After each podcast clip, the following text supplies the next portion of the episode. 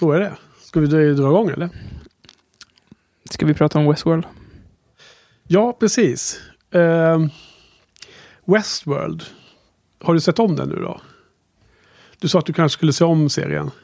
Jag har inte gjort det. Nej, det är svårt med tiden. Ja. Jag tycker det var en eh, fantastisk upplevelse att se serien. Men jag vet Men inte. du har bara sett den en gång? Ja, jag har se- sett den den enda gången. Och jag såg den intensivt under nio dagar. Mm. Det kändes ju som att det var mastigt att se mer än ett avsnitt per gång. Speciellt eftersom jag lyssnar på Decoding Westworld-podden efter Mm. varje avsnitt. Så den dagen, det var en ledig dag när jag såg två avsnitt och såg ett på förmiddagen så var jag ute och gick. Och då lyssnade jag på podden och då, då klämde jag ett avsnitt till på kvällen för då var det, passade det liksom. Mm. Men det, då var jag också ganska overloaded så jag låg och drömde om Westworld hela, hela den natten. Det var liksom, man vaknade flera gånger och så hade man liksom alla de här frågorna i huvudet. Det var Ja. någonstans mitt i serien där ju. Detta var. Det var länge sedan jag drömde om en tv-serie. Ja, precis. Det, man måste ju vakna också. Man måste ju sova dåligt den natten så att man vaknar flera gånger för att Mm. kunna komma ihåg det. För jag antar att du ligger och drömmer om det i vanliga fall kanske. Fast man inte vet om. Ja, kanske. Ehm, ja, men det var intressant då eftersom vi poddar om en tv-serie och folk följer, vissa av våra lyssnare följer ju serien och lyssnar på poddavsnitten efter. Mm. På samma sätt som jag nu gjorde då. Även om, eh, vad heter hon då, David Chen och eh, Joanna Robinson Mm. eh, bara tar ett avsnitt per gång då. Så, så är det ändå samma struktur. Så att det var liksom kul att själv få uppleva den saken ju. Mm. Och du tipsade mig om den här podden då. då.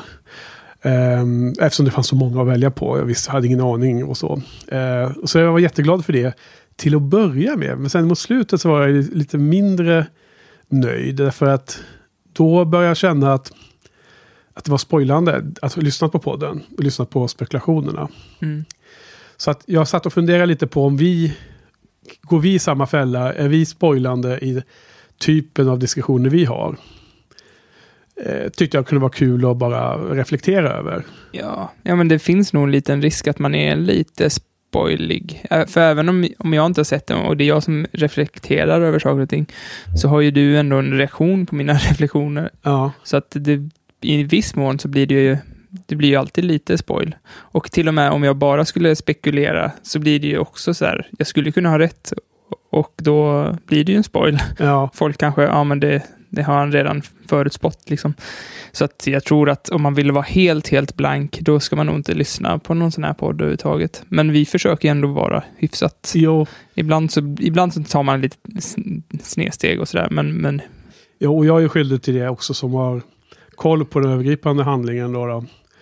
Men det är den första skillnaden är ju att här har jag ju sett serien innan när det gäller Buffy. Och eh, när det gäller Westworld så hade ju inte Joanna eller David sett någonting innan. Så det är den stora skillnaden. Där måste jag framförallt vara noggrann. Eh, men det andra skillnaden var ju också att om du har spekulation, då är det väl ändå bara en tittare som har tänkt ut någonting. Och det är väl fine kan jag tycka. Att du har fria tyglar att spekulera runt Buffy. mm, Men det som var med Decoding Westworld var ju att Johanna jobbar ju med detta. Hon jobbar ju där och skriver om film på Vanity Fair. Va?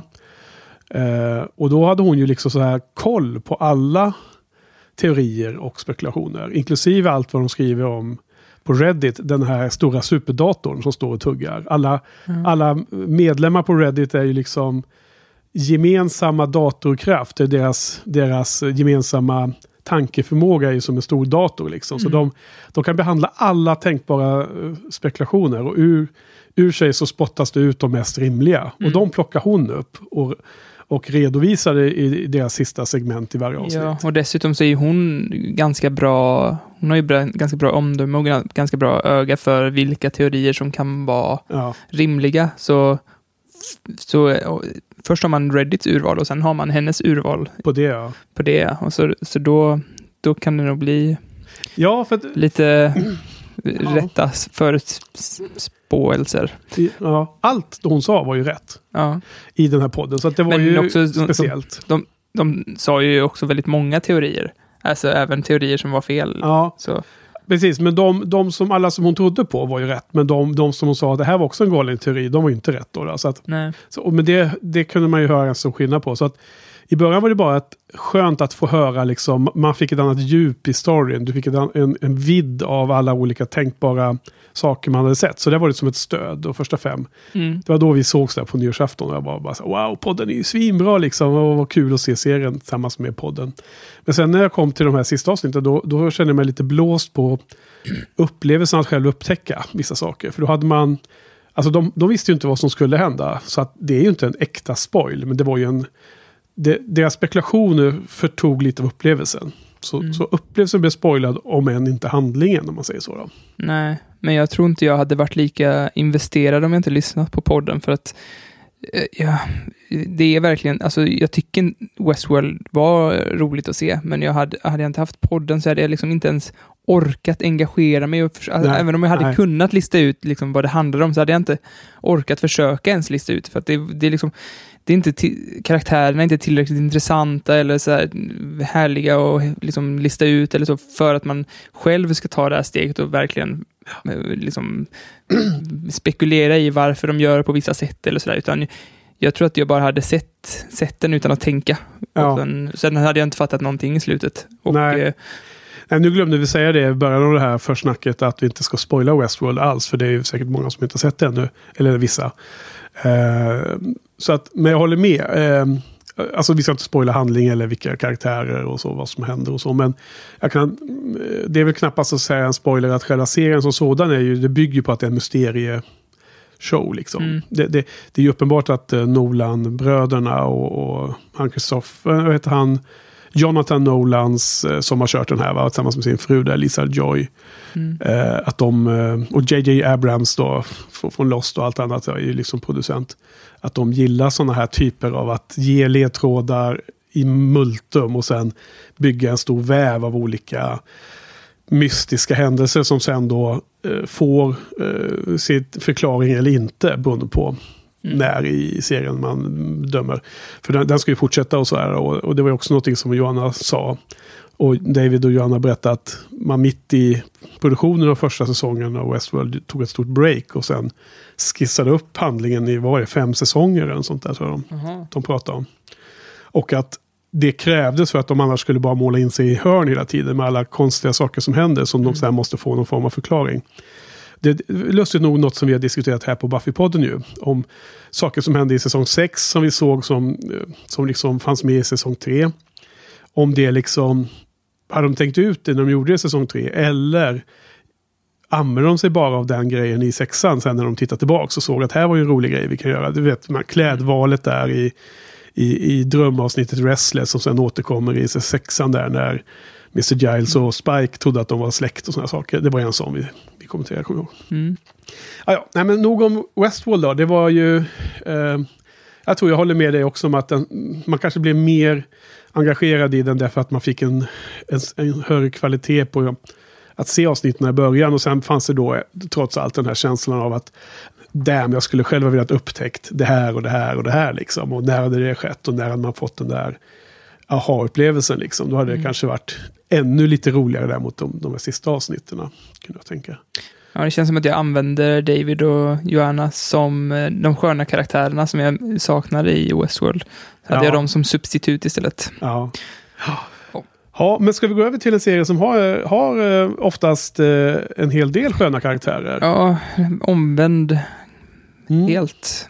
Precis, inte lika mystisk i, i sitt uh, gytter av mysterier och hemligheter, men däremot en massa karaktärer som vi lär känna. Ja. Vi ska gå över till eh, Buffy säsong 7. Mm.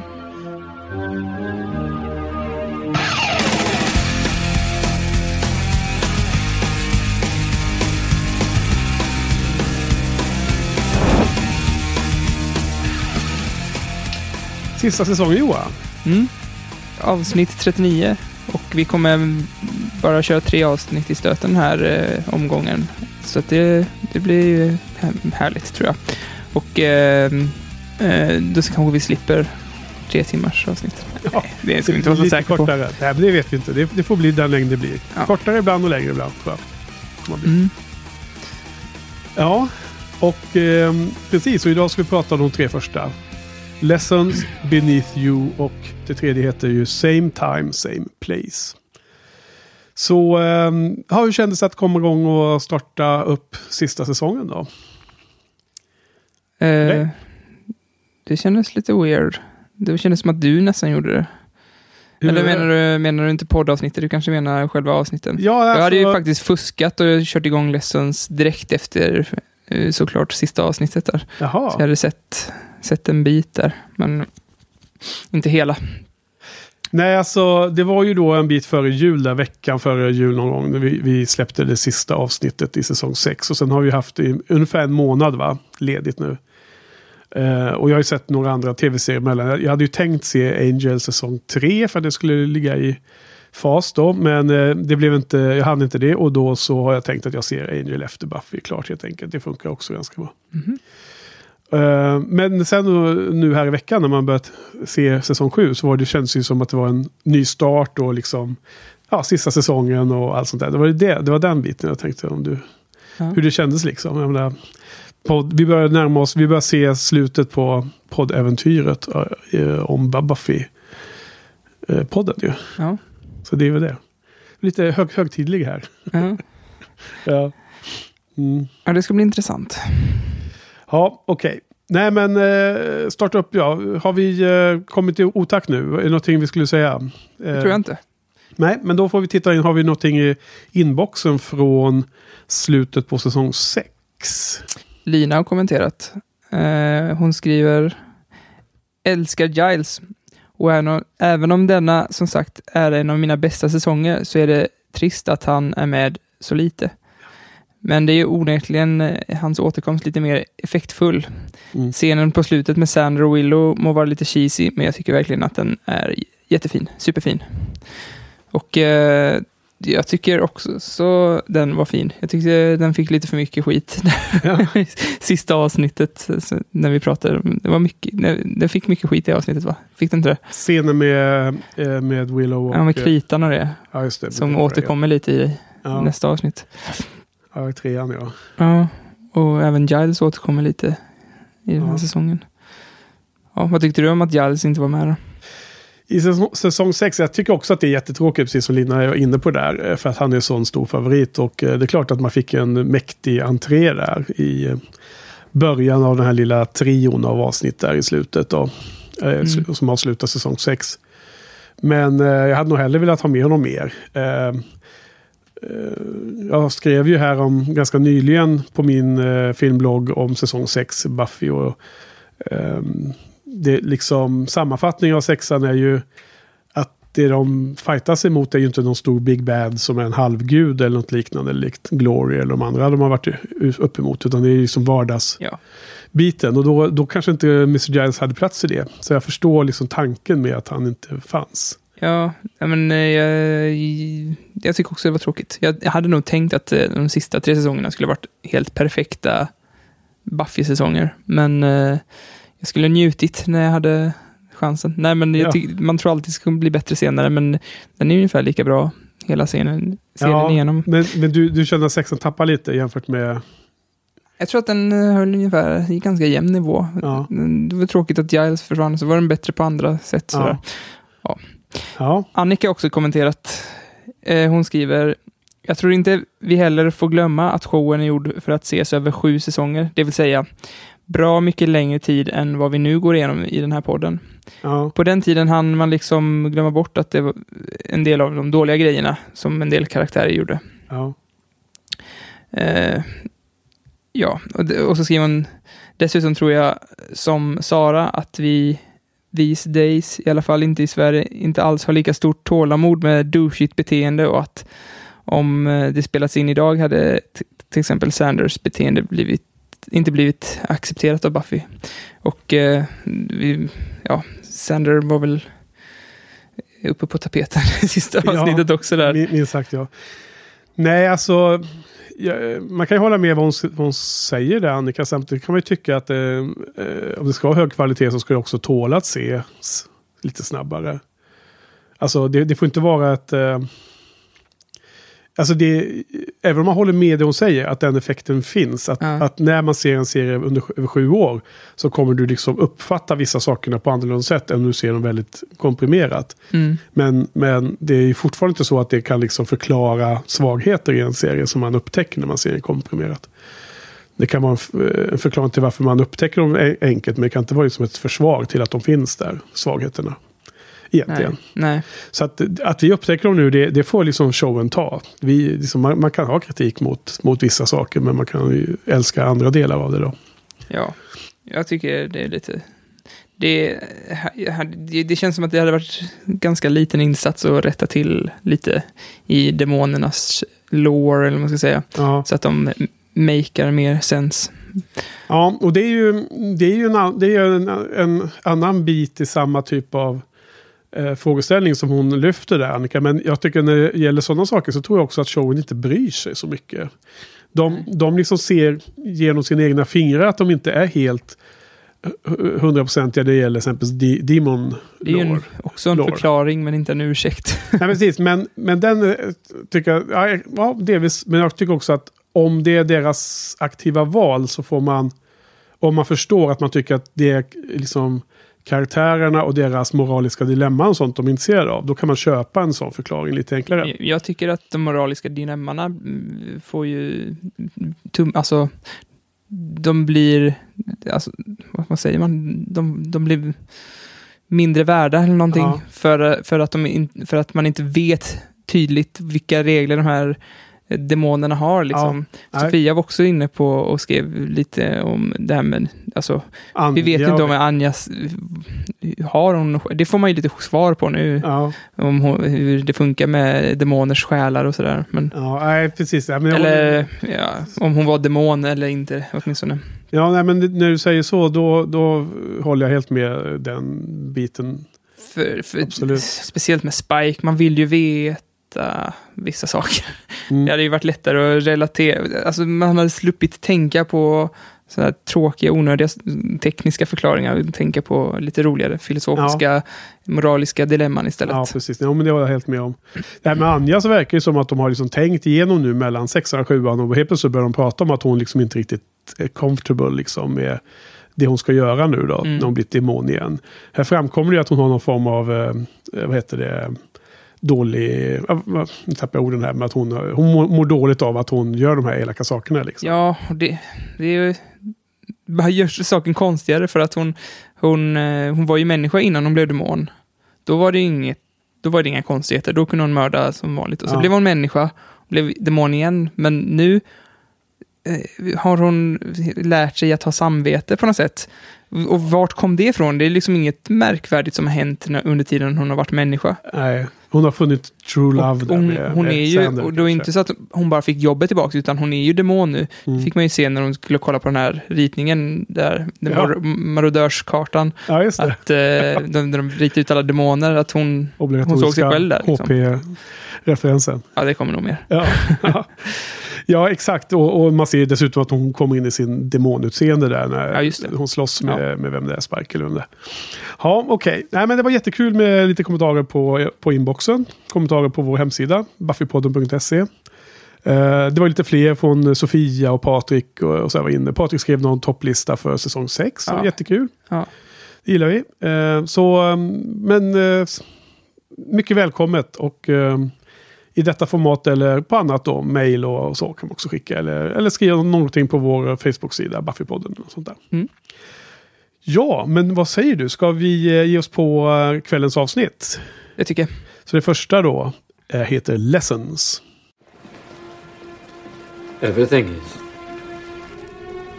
I had a speech. I learned it all. Oh God, she won't understand. She won't understand. Of course she won't understand, Sparky. I'm beyond her understanding. She's a girl with sugar and spice and everything useless unless you're baking. I'm more than that. More than flesh. more than blood. I'm. You know, I honestly don't think there's a human word fabulous enough for me. Oh, my name will be on everyone's lips. Assuming their lips haven't been torn off. But not just yet. That's alright, though. I can be patient. Everything is well within parameters. She's exactly where I want her to be. And so are you, number 17. You're right where you belong. So what do you think? You get your soul back and everything will be Jim Dandy? Soul's slipperier than a greased weasel. Why do you think I sold mine? well, you probably thought that you'd be your own man, and I respect that. But you never will. You'll always be mine. You'll always be in the dark with me, singing our little songs. You like our little songs, don't you? You've always liked them, right from the beginning. And that's where we're going. Right back to the beginning. Not the bang. Not the word. The true beginning. The next few months are going to be quite a ride. And I think we're all going to learn something about ourselves in the process. You'll learn you're a pathetic schmuck. If it hasn't sunk in already. Look at you. Trying to do what's right. Just like her, you still don't get it. It's not about right. Not about wrong.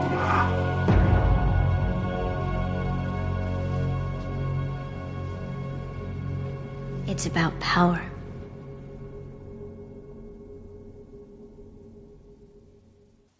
Första, säsong, eh, första avsnittet på eh, sjunde säsongen heter ju Lessons och det är skrivet av eh, Joss Whedon. Mm. Det är regisserat av en annan eh, pajsare. David Solomon. Jaha, okej. Ja, Han är ju inte helt okänd, men inte Joss i alla fall. Då. Så i det här avsnittet så är det setupen är att eh, Sunnydale High School har återuppbyggts. Vilket är lite roligt ju på något Ja, sätt. faktiskt. Det såg väldigt modernt ut. Mm. Det har kommit en ny um, principal, alltså heter det, rektor. Robin Wood. Ja, det är det han heter, ja precis. Och Dawn ska då gå i high school och starta i skolan där. Och Buffy är som den mamma hon är i praktiken, jätteorolig. Medveten om att skolan fortfarande står på The Hellmouth. Och sen eh, mycket riktigt så dyker det upp några spöken av något slag och eh, är hotfulla och jagar Dawn och kompisar. Det var inte spöken va? Nej men ja, de var någonting på grund av någon talisman. Nej, bara Spike Ja, de- rättade ju Ja, Buffy där. de, de kan skada er och allt det där. Det var en talisman som hade frambringat dem. Så Buffy får rädda Dawn och, och kompisarna till henne. Och vi, vi får se, återse träffa Spike som har kommit tillbaka till Sunnydale. Och han är helt galen, crazy nu. Alltså galen, han är eh, instabil. Eh, pendlar mellan eh, sanity och insanity verkar det som. Och sen får vi se lite från Willow som är borta i England och eh, ska lära sig att bemästra sin sin magi hos den här The Covenant. Vad nu, vad nu kan vara ett gäng eh, häxor där som Mr. Giles har slussat henne till. Ja. Mm. Det var allt det där som var i Lessons. Vad sa du? Covenant? Co- Covenant. Eller vad heter det? Covern kanske? Jag vet inte. Cov- Covern? Ja. Någonting sånt. Det, det får någon rätta, rätta, rätta om jag sa fel där. Ja, ja, ja, ja. Så, eh, men vad, vad tycker du om första avsnittet? Eh, alltså, om man... De, de flesta första avsnitten är ju ganska, har ju varit ganska bra. Ja. Det, här, det här är ju inte bra, men det är ju väldigt Buffy känns det som. Väldigt Buffy säsong ett. Man får väl... Oj, jävlar. Ja. Spökar igen. Ja. Nej, men eh, man får känslan av, säsong ett-känslan väldigt mycket. Det är nästan som att de resetat. Eh, Buffy är glad och, eh, och quippig och... ja, just det. Lite så här chippy. Ja, How are you? My sister's about to go to the same high school that tried to kill me for three years. I can't change districts, I can't afford private school, and I can't begin to prepare her for what could possibly come out of there. So, Peachy with a side of Keen, that would be me. Som säsong ett Buffy nästan. Ja. Och, eh, och de är tillbaka på high school. Det är ju väldigt eh, säsong ettigt och sen hon, eh, jag vet inte ifall det här kommer vara med senare, men det ser ut som att hon, Dawn, fick ett eget litet Scooby-gäng där. Mm. Alltså det, jag håller helt med och det är jättekul att du också lyfter det bara. Just den här känslan av att de, de har liksom kommit så långt ifrån eh, huvudspåret när man i säsong 6 var ute i Ja. världen. Ja, och nu har man ju tagit ett stort steg tillbaks till uh, Sunnydale och det är på något sätt som att nu har vi sista säsongen, nu, nu, nu tar vi back to basics och så Ja. kör vi den samma. Ja, verkligen. Det märktes vä- väldigt väl när, för det här är ju vä- väldigt Monster of the Weekigt, när de Ja. här spökena. Ja, Och när hon stod, när de här spökena stod där och liksom var läskiga, Ja. nu var det inte spöken, men nu säger jag det. Och eh, då, då, för det är ju de som har dött när High School sprängdes. Då hade ju, i förra säsongen hade ju hon mått dåligt över att hon hade sprängt, alltså att hon hade inte lyckats rädda de här skoleleverna. ja. Men nu, nu, nu bara, give me a break, I don't care varför ni dog. Ja. Så här, håll det för er själva, kan ni bara visa vart min eh, syrra är liksom. Ja, precis. Hon var, hon var liksom tillbaka i sin gamla eh, stil där hon inte ser mellan fingrarna. Är de liksom döda demoner då, då ska de liksom bara besegras. Liksom. Ja, och det är exakt sån dialog som jag älskar med Buffy, när de eh, liksom vänder Ja. lite på steken, att de inte säger det- det förväntade hela tiden. Ja, alltså jag, nu vet inte jag vad som var riktigt och inte. Jag, jag tänkte aldrig att, det, att de här tre döingarna hade dött precis när skolan eh, förstördes. Där i det här sista avsnittet i säsong... Eh, Kanske inte var så. Kanske jag som det tolkade in Säsong det. tre eller vad det är. Men ehm, jag tänkte att det var sådana som hade dött under hennes år på high school. Men det kunde ha varit lite när som helst. Mhm. Och jag tänkte också, borde vi inte känna igen de här nu? Att de är olika personer från olika avsnitt Ja. som man skulle kunna t- eh, koppla dem till. Men jag bara orkade inte tänka ut det där. Nej, för, för det och så tror hade jag jag faktiskt... hoppas att du hade koll på det nu. Ja, för att de tog upp det i en podcast som jag lyssnade på. Ja, Och de sa att, eh, att, det var lite, också att det var lite tråkigt att det inte var några som vi kände igen. ja. Men, för då, men då sa de något som jag tyckte var bra, för att då hade de inte kunnat avfärda, Buffy hade inte kunnat avfärda dem. Nej, det. Det hade inte varit lika trovärdigt Det att hon av, avfärdade dem. Nej, precis. Ja. Då hade det varit mer perso- personligt. Då hade hon inte kunnat vara lika rolig och då hade det inte varit samma stämning i det här första avsnittet som bara är härligt. Ja. Ehm, jag håller helt med allt du säger. Och, och det börjar med då att jag tänkte så här på att du har tidigare lyft och, och förtydligat eller påmint oss om att de första avsnitten oftast är lite bra och lite annorlunda. Och att det här verkligen inte var det, tyckte jag. Jag tyckte det var ganska svagt liksom, Ja. hela avsnittet. Men det är ju en skön känsla att det känns som att det är lite reset på tillbaka till high school. Ehm, det var en scen som jag är väldigt nyfiken på om du uppfattade och om du som jag tyckte att den var lite speciell. Det är eh, lite detaljer här då. Liksom Buffy är inne på toaletten och det är första gången som hon träffar de där spökena eller vad de nu än var då. då Mm. Demonerna. Och de gör liksom utfall mot henne. Och hon är ju badass Buffy så hon blir ju inte så här att hon springer iväg och skriker som en, som ett litet barn. Men, eh, för hon är ju tuff och modig och allt det där. Men det är inte heller att hon engagerar sig i, i slagsmål med dem eller att hon liksom på något sätt. Utan hon, hon kryper upp in i hörnet och står liksom med huvudet nedböjt lite. Och ser väldigt konstig. Alltså, det, det, det ser ut som att hon bara liksom väntar ut dem. Att hon är jäkligt kall i situationen. Och samtidigt så är det, var det ett beteende hos Buffy som man inte kan komma ihåg att jag sett tidigare. Känner du igen det här? att du rea- Reagerar du på den lilla scenen? Nej, nej, inte just i den scenen, men det känns ju som att Buffy inte riktigt visste ifall det var hennes hjärna som spökade med henne eller och det kändes som att serien också ville få det att framstå så att man inte ska veta ifall det var så här Ah, hjärnspöken eller hon ställdes, ja, just det, för hon, hon kryper upp lite i hörnet och bara tittar ner, precis som att de kan vara borta nästa gång hon tittar upp. Mhm. Så det, det stämmer in med det du säger nu. Att det ska fanns en sån ambivalent eh, känsla i om, om de fanns eller inte. Ja. Det, det fångade jag inte ens. Jag Du- fick inte ens den känslan. Nej, Okej, för jag, jag tyckte det kändes som att, kanske inte märkte det så mycket på henne, men det du förklarade skulle det stämma, men att själva hur det var filmat och hur folk reagerade så var det som att Ja. man inte skulle veta riktigt ifall det var i Buffys huvud, ifall det var... Ja, nu efter när du, när du får mig att tänka på den aspekten så kanske det var lite liknande. Att man visste inte riktigt om Dawn hela tiden visste om de fanns eller inte. För att hon säger väl till de andra två um, skoleleverna, hennes kompisar där, killen och tjejen, har, ni också sett dem? Hon blir lite lättad när de också har sett Mm, spökena. Ja, ja, ja, jag, jag tyckte i alla fall att Buffys kroppsspråk i den lilla, lilla scenen var lite intressant. Och jag blev väldigt eh, peppad av den scenen. Ja, okej.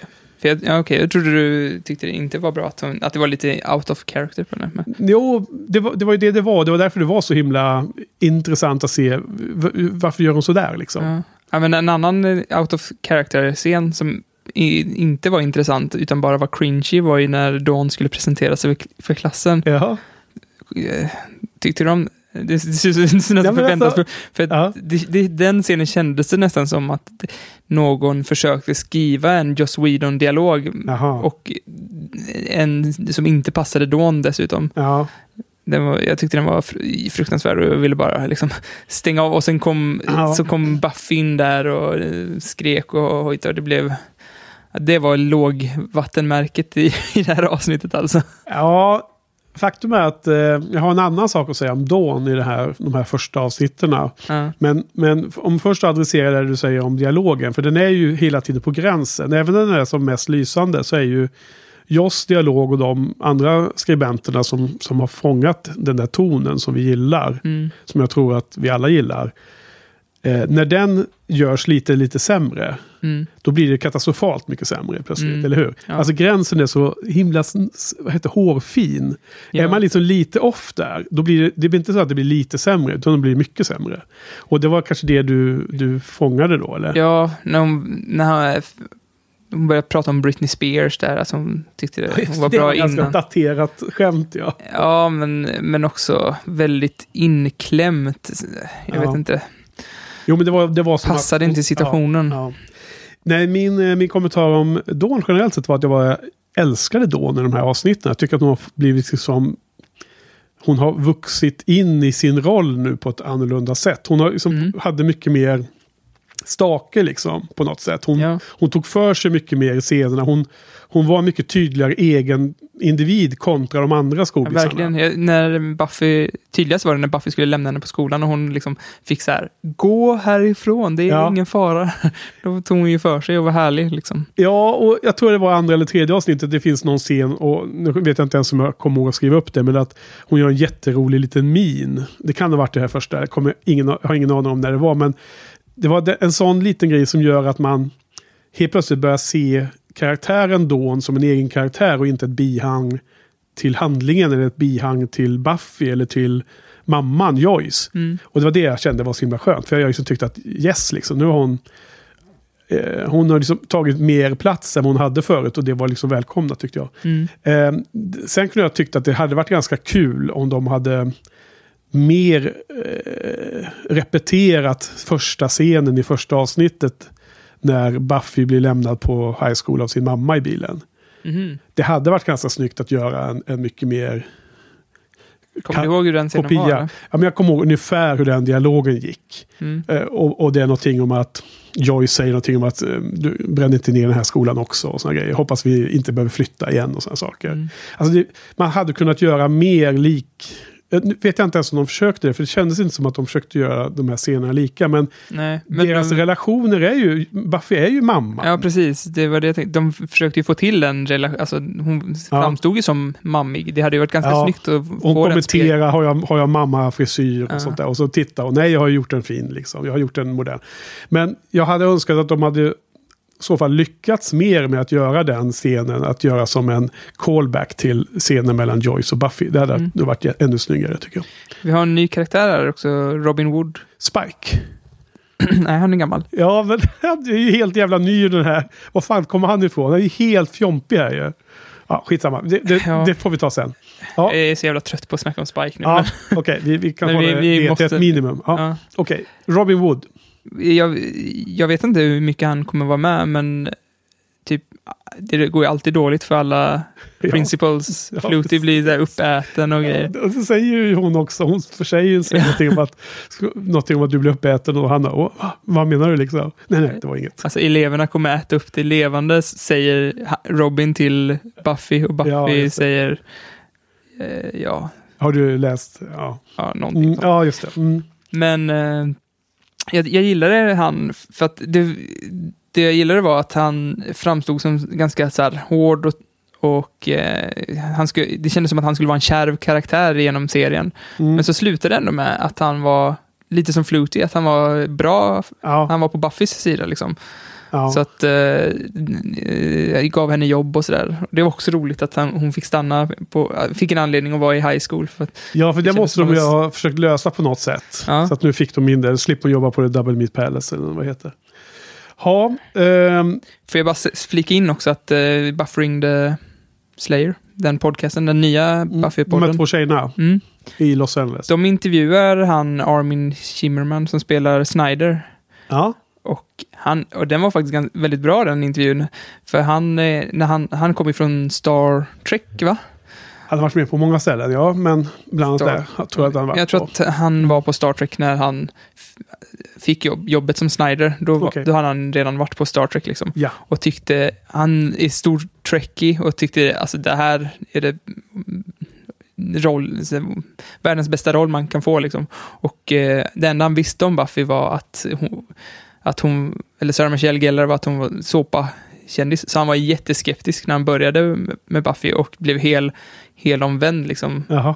Så att var härlig intervju att höra hur han Ja, blev. ja, du tipsade om den också för eh, ett bra tag sedan och jag lyssnade Mm. på första avsnittet ungefär, eller ett och ett halvt. Och de var lite så här, eh, jag, jag blev inte riktigt fast i deras Nej, podd med en gång. jag är inte heller fast i men man kan bara plocka ut den här intervjun. Mm. Bara för att han är ju ganska härlig. Jag förstår det. Och det låter jättekul tips som till alla. Det är Buffering the Slayer heter den va? Ja.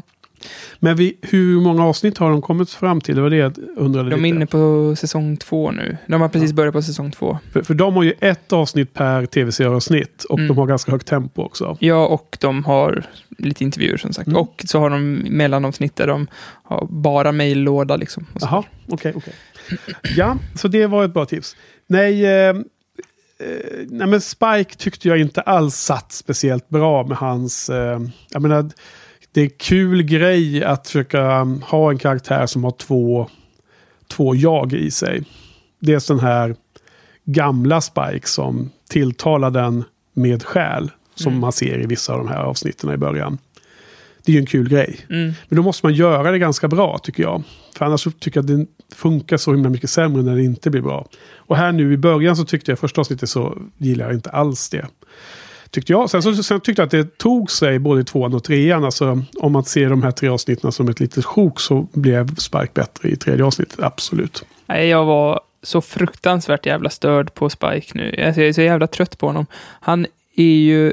Det är så märkligt att han får släppas in i gänget. Fast inte bara det där fruktansvärda han gjorde i sista, sista liksom, se- eller senaste säsongen mot eh, Buffy. Att, men att han liksom, nu är han ju ännu mer labil. Ja. Ja. I, I skobisarnas synvinkel i alla fall. Mm. Det enda de vet det är att han ballade ur jätterejält i slutet av andra säsongen och så kom han tillbaks och helt jävla batshit crazy. Ja, en, en riktigt jävla lös kanon. Och ändå så liksom låter de honom hänga runt där. Jag, Mm. ah, jag blir bara irriterad. Ja. Och jag, det är ju liksom manusförfattarna som har blivit kär i honom. För att det finns inte... Varför skulle han få vara kvar annars? Det är helt sinnessjukt. De har väl någon, någon tanke med honom och det får vi följa och se här i säsongen. Ja. Eh, jag brukar tjata om hur, hur att jag i början kom ihåg, eh, ser så mycket av serien och sen har det blivit mindre och mindre. Jag kan Mm. bara nämna det då för lyssnarnas referens då att jag hade inte minne av en enda scen i de här, någon av de här tre första avsnitten. Så att jag är nästan blank nu. Jag, jag kommer ju dock ihåg hur, hur hela serien avslutas. Det var svårt att att glömma. Men, men och på vägen dit har jag nog ganska lite koll. Så att eh, risken att jag... Eller om jag försäger mig så är det liksom inte för att jag elakt eh, spoilar utan då kanske jag har glömt helt enkelt. Men eh, en grej som jag tyckte var bra med Spike var, jag, eh, som var lite in character, det var ju att han har försökt. Men då, eh, problemet var hur scenen behandlade den här scenen, men jag tyckte det var ganska roligt att han hade försökt krafsa ut sitt eget hjärta. Det är så jävla Spike. Ja, det, själen ja. Ja. Han tänkte att det måste sitta i hjärtat där någonstans. Ja, men eh, sen tycker jag, som jag sagt förut, att det var tråkigt att de behandlade scenen med så mycket respekt. Det hade varit roligt ifall det hade fått vara en liten jävla idiotisk dum grej som Ja. Spike hade fått för sig. Ja, precis. Mm. Så jävla halvhjärtat han hade försökt, han klös lite på bröstkorgen. Ja. Ja. Alltså jag, jag tycker att Spike tar sig redan under de här tre första, så jag är inte lika ilsken på honom som du nu sagt. Men jag tyckte att här i första avsnittet så var det inte bra hur de presenterar hans eh, du, dubbel... Nej, och jag vet inte varför Buffy inte berättade om honom. Alltså det var ju liksom Nej. ingen anledning. Men hon kände väl inte sig eh, bekväm med att hålla på och prata om det kanske. Det är väl, kan vara många skäl till att man inte vill liksom öppna sig om sådana saker för sina vänner. Ja, fast... Ja, jag orkar inte ens prata mer om Spike, Mm. men det är jätte, han är ju jättefarlig. Men Mm. skitsamma. Ja, eh, Ehm, sen så tyckte jag att eh, slutet av avsnittet där Buffy har någon badass kommentar, it's all about, eller it's about power. Där Mm. hon, innan hon eh, fimpar dem eller vad hon nu gör. är det en liten eh, peak till när hon sätter The Watchers Council på plats, eller? Ja, det kanske är en eh, callback till det också, men det, det har också varit i dialogen under avsnittet ju. Mm. Och de har liksom eh, trott att hon är eh, chanslös mot dem, eller att hon inte har krafterna kvar. Och så har hon ju det. Så det är lite så här, lite... Eh, eh, kommer du inte ihåg det avsnittet i början av en av de tidiga säsongerna när hon är nere i helvetet där hon hamnar där alla är slavar och jobbar. Och hon, Mm. hon liksom vaknar upp och hon är Buffy Summers. Och liksom, Ja, just det. det är lite samma här känsla där hon liksom tar, återtar scenen som the baddest of the badasses. Ehm, så så var det med det. Sen så älskade jag ändå scenerna med Willow och Mr. Giles. Så där var det ju en, en eh, uttalad eh, Harry Potter-referens när, eh, Instead, you go all Dumbledore on me. när eh, Willow säger till Mr. Giles någonting om Dumbledore. Han, hon jämför någonting. De, Go, go Dumbledore on me. Ja, Men, eh, ja, det var den jag refererade till där. ja, tidigare ja. Men, Gi- Gillar du scenerna med, från England där då? Med Mr. Giles och Willow? ehm, Det lilla man fick. ja, lite grann tyckte jag väl att det var helt okej. Ja, Men, men, det kanske inte är så... Det var inte några speciellt stora scener, men det är ju kul ändå att se att, att Willow har liksom... Hon, hon har ju kommit vidare på en resa där hon liksom lär sig mer och mer om magin. Som jag Ja. tycker ändå är spännande. ja, men det var intressant att Giles sa It's not an addiction till henne. Ja, För eh, att, hur, vem du är va? Något sånt där. ja, det, det är bara en del av det nu. Mm. Så, så, och det, det för, det, för nu ser man ju nästan magi som en, man har sett magi som en drog. Ja, Rent, alltså, det spelar ingen roll vad det är för typ av magi, ifall det är svart magi. Alltså all magi Ja. är dålig magi. och då Så det- är det, så det en behövde- tröttsam grej att serien ska bara gå och traggla om det. Eller? Ja, så det var ju skönt att Giles sa att it's not an addiction, så man får det på svart på vitt. Ja, nej, det, Nu kan vi släppa säsong Ja. 6-mäcket. ja, Nu kan vi liksom vara exakt. ha magi i den här världen Mm. som det alltid har funnits. Liksom. Mm. Det är bra. Bra att du satte ord på det. Jag tror att det var du som satte ord på det. jo, men, på det. jo, men, nej, men det var du. Ja, men vi Mm. hjälptes åt då. Eh, sen då så har vi ju hållit lite på en väldigt spännande allra, allra första scenen Ja, från Istanbul. Som blir än mer spännande i och med att det finns också en allra första scen i nästa avsnitt. Så det är två avsnitt i rad som man får se här random scener. Är det andra avsnitt som är väldigt run, Lola, run? Ja, precis. Då är det ju i Frankfurt. Jag också skrev den kommentaren att det var eh, Run Lola Run. Hon såg ut så med håret och allting. Samma musik, eller samma typ Mm. av musik och sådär. Men hur, hur tolkar du detta då? Vad, vad är det som tar du från, med dig från det? Det, är några, det ser ut som munkar av något slag med några kåpor och äckliga knivar Mm. och sådär som jagar dem. Jag hoppas att det inte är de där vet, ja, det, just det. Nej, men har du någon... Eh, om vi nu ska gå in då på en sån här spekulativ eh, te, teorimakande. På tal om spoilers, jag, jag, jag lyssnade ju på en podcast där de pratade om det här. Där, där de, jag vet inte, jag tyckte det, det typ var en spoiler, men det kanske var jag som inte hade fattat det här. Men du får blippa ut om du tycker det är en spoiler. Men då... Får jag bara fråga först? Ja. Är den här podden, ser de serien för första gången eller kan de spo- spoila? Jag vet inte, de säger att de ser den från första gången, men ibland så undrar jag verkligen. Ja. det, jag tror att det kan vara någon av dem som har sett det, men typ inte kommer ihåg. Eller, Men vilken eh, podd är det? Ehm, Du lyssnar på en många tjej och en kille. Jaha. Ja. Ja, ja, skitsamma. Men eh, där, du får sagt blippa ut här om, det om du tycker det är på spoil. Men där säger de att mm, man får ju typ reda på, tycker de, att det är i slutet av det här avsnittet, att det är en shapeshifter eftersom all, man får se alla bossar i rad, liksom. eller alla Mm. big bads kommer i rad och avslutas med Buffy. Förutom de hade missat någon big bad tror jag. Men, och då, då sa de, ja det är en shapeshifter. Och, och då, så här, han är ju galen tänker jag. Det skulle kunna vara vad som helst. Så det här stora mullret som kommer, um, devours beneath you, eller vad de Mm. säger. Att det skulle vara en shapeshifter som kommer från underjorden. Och Mhm. till och med Willow kände det på andra sidan jorden och sådär. Mm. Men, eh, Ja, ja, det är väl typ... Det är väl inte så mycket mer man har fått.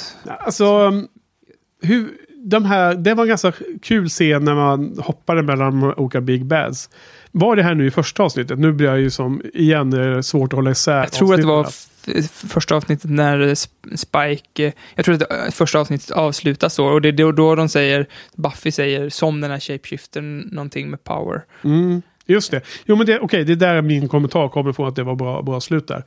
Och eh, precis. Eh, ja, nej, jag vet inte om, eh, om det är någon spoiler. Så det är väl en spekulation låt som, som de säger. För att de ser en shapeshifter här. Snyggt, Henke. Ja, det, det, får vi vänta på och känna på lite. Men ja, man, man får ju anta att de här scenerna har någon betydelse för, för kommande händelser. För att i tredje avsnittet så behandlar de det inte speciellt mycket mer. Ehm, Nej. så vi får hålla på den. Ja. Ehm, jag tyckte i alla fall, om jag ska sammanfatta lite åsikterna, så tyckte jag att det var ganska... Alltså det var jättehärligt att vara igång igen, men jag tyckte samtidigt att avsnittet uppfyllde inte mina förväntningar om ett inledningsavsnitt. Jag tyckte det var lite halvsegt snarare. Även om det fanns vissa roliga dialoger, roliga kommentarer då, så... How exactly do you make cereal? Ah, you put the box near the milk. I saw it on the food channel.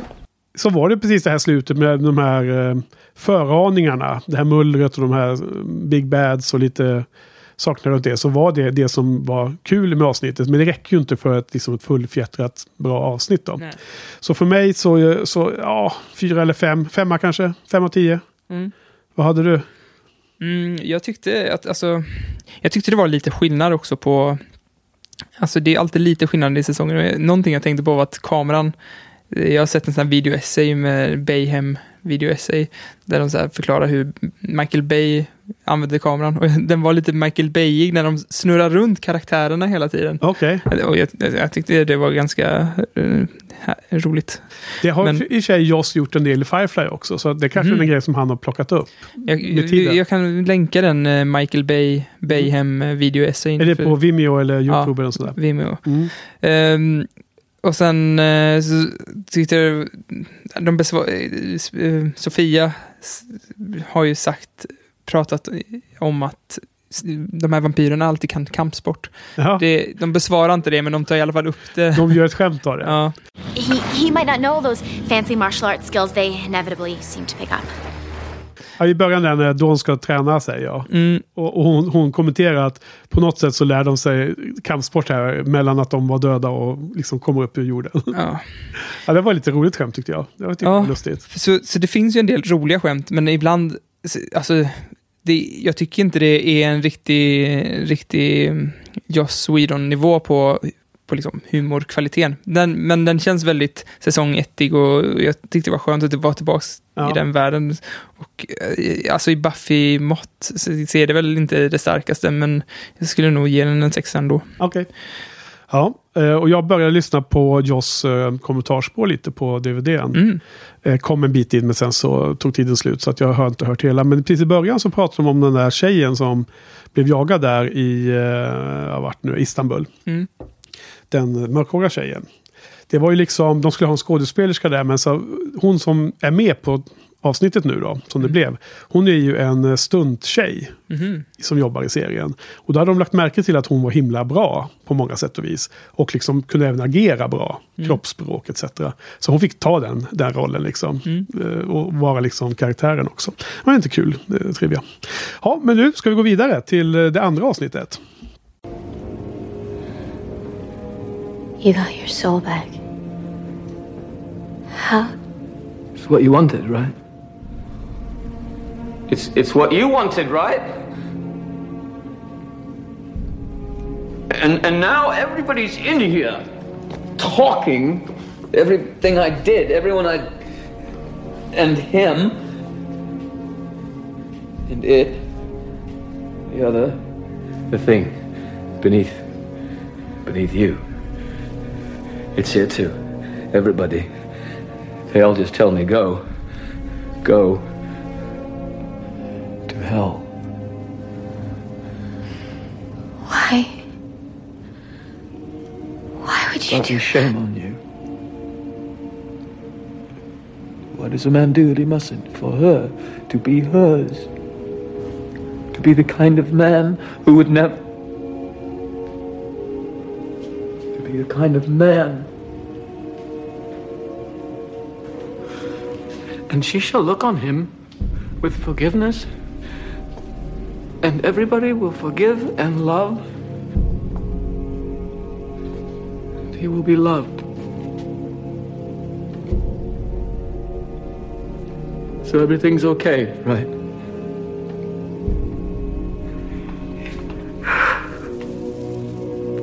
Can we rest now?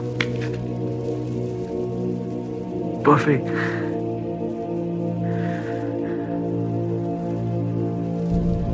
Rest?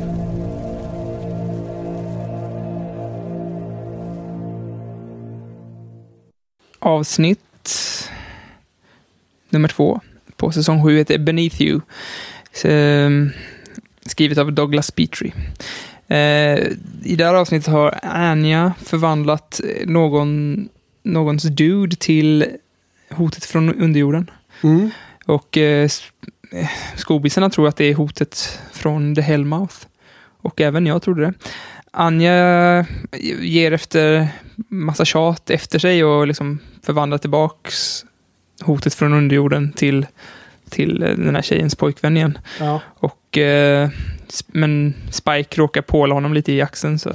Ja. Men eh, ja, det var, det var nog lugnt. Alltså, egentligen så är det ju det som är handlingen i Ja, själva till ytan. precis. Och det, de, de pratar i första avsnittet om någonting um, from beneath it will devour you. Eller vad de Mm. säger. Va? Och sen så kommer den här eh, masken med den här äckliga munnen. Så kan man tro att det är den då. Men det är ju liksom, det är bara att Monster of the Week. Ja, det är ett Monster of the Week som råkar påminna om det som är ett något hot Big som, Bad. som, eh, som Willow känner redan borta i, i England. Liksom. Mm.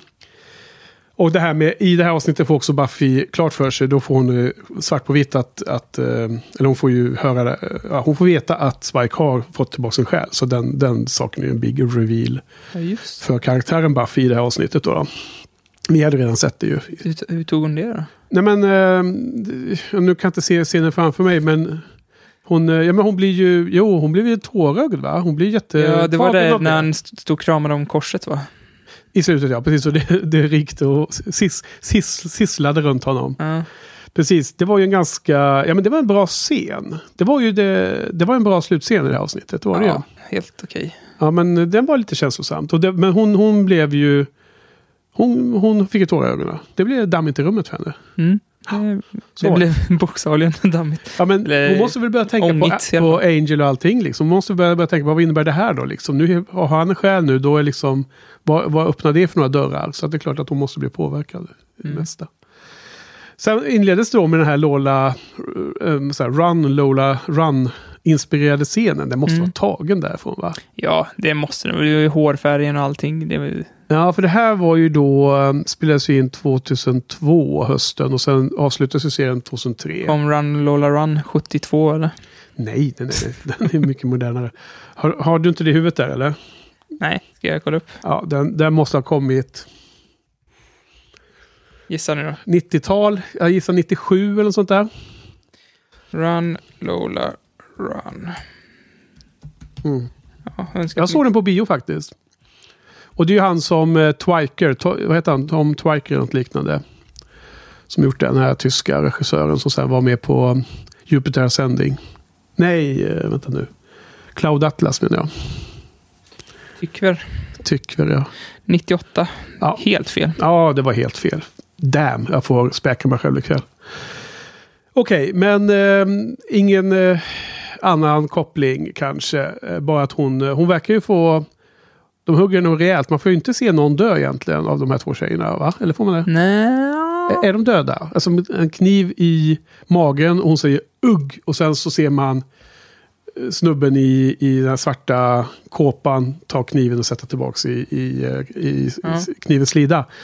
Eh, ska man inte tolka det som att han har gjort klart sitt mord då liksom? Ja, men det brukar ju vara så att eh, om man inte ser någon, typ att pulsen tar slut eller så. Om man inte riktigt ser att de dör så är de inte döda. Nej. Typ en sån generell regel. Men Mm. eh, jag tyckte det var intressant, den här podden som jag inte kommer ihåg vad den hette. Där pratade de om så här att i början av säsong, ja, säsong ett i första scenen så ser man hur en eh, tjej blir i den här klassiska scenen.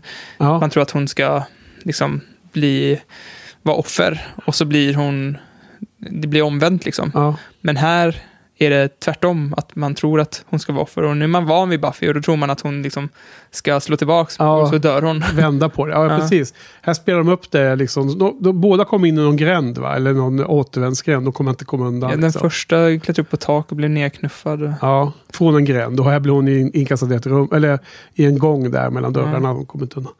Ja, ja, det är intressant. Vi får väl återkomma till det när det här får större förklaring. Sen var det i det här avsnittet som jag tyckte Dawn var lite eh, extra cool. Det här, det här med att hon tog för sig att hon klev fram som karaktär. Så det var härifrån jag hade noterat det no, no, eh, noggrannast. Eh, en annan kommentar om jag bara hastar vidare här. Jag har faktiskt ganska lite kommentarer på det här avsnittet. Jag var, tyckte att det var väldigt be- blekt. Det här hotet från underjorden, du har redan gjort en referens flera gånger. Det är den här filmen med, vad heter han, Kevin Bacon eller? Ja. Det är en ganska kul film. Första. Ja, den är pissbra. Ja, den är rolig. Ja, alltså, den på pappret verkar den ju pissdålig. Ja. Men den är, jätte, den är jättehärlig. De stora monstermaskar som åker i sanden. Mm. Man, om man klättrar upp på en liten sten. Lite, Då är man safe. Ja, då är man safe. En liten kulle. Ja. Eh, det är kul. Det är Eh, så här, inte nudda golvet-principen. Ja, just det. Och, och då bor man då olyckligtvis ute i Arizona-öknen då, så Ja. är det ju farligt. Med. Men jag för mig att det finns fler film. Det är någon serie va? Ja. De- Det de bara, andra är det dåliga. bara, ja, det bara första som är bra. Ja, den första är bra. Men här, i det här avsnittet, så är specialeffekterna så dåliga alltså. Fan vad uselt det var. Men det kändes som att de skakade på kameran jättemycket så att man inte skulle se det. Ja, ja det var så dåligt. Jag kom att tänka på det att eh, tidigt i podden så satt vi och, och jag tror säsong ett då, så spekulerade jag om att det skulle bli bättre sen då med specialeffekter och sånt. Men ja, tydligen inte helt. Nej, men de väger upp det i nästa avsnitt. Men det är verkligen så här tecknad filmeffekt när det här monstret rör sig. Det Ja. blir så här uppskrufsat. Alltså den här stenarna flyger ifrån uh, kullerstensgatorna och sådana ja, saker. vad, ja. vad, vad, jag ser det framför mig. Det är väl typ någon tecknad film. Ja, Vad, finns det? Grävling eller något? Man ser så här gräv under marken så ser man att det blir så här ett, spår Skit. efter. på Ja, ytan. ett spår. Ja. Och även det här med att den eh, liksom gör ett hål och slukar en hund. Ja. det är också väldigt tecknad film, Ja. humor. Ja. Vad heter det? Harbent och djurbent. Vad heter de? Eh, gråben och hjulben. Ja. Eh, vad heter de på engelska? De heter någonting... Eh, ja, bip, bip. Ja, sen har jag skrivit... Eh, jag kommer inte ihåg Johan, vi får gå vidare. Eh, Nancy skrev jag. Det var ju det hon hette, tjejen som gjorde den här... Eh, som Anja hade hjälpt med den här spällen då. då. Nancy var ju tjejen som vars pojkvän var det här. Mm, just det. Varför skrev vi upp Nancy bara? Oklart. Var- Har du någon aning? Ja, men det var ju för att eh, hon hette det. Ja, absolut. Men varför vill jag komma ihåg he- den karaktären för vårt snack här? Men jag tyckte att hon, eh, alltså för att vara en sån här one-off-karaktär, så tyckte jag hon var, hade väldigt mycket djup faktiskt. Och jag Ja. trodde nog att hon skulle liksom vara en karaktär som man skulle få återse. Men sen bara från ingenstans, så nej, det var väl när Anja, jo när de grälade eller något sånt där. När de började slåss, men Mm. då bara bailade hon och stack. Ja, så vi vet inte om hon mer? kommer tillbaka sen igen, men... Och vi har inte sett henne tidigare, eller? Nej, jag tror Nej, inte. nej, jag kommer inte ihåg. Ah, Ja, det är det här så himla dumt när man skriver för korta kommentarer i sina notes. Man måste Ja. skriva en lång förklaring vad det var man tänkte på. Ja. Ja, jag, eh, jag var slut där. Har jag har inte skrivit så mycket mer. It wouldn't be you, Spike. It would never be you.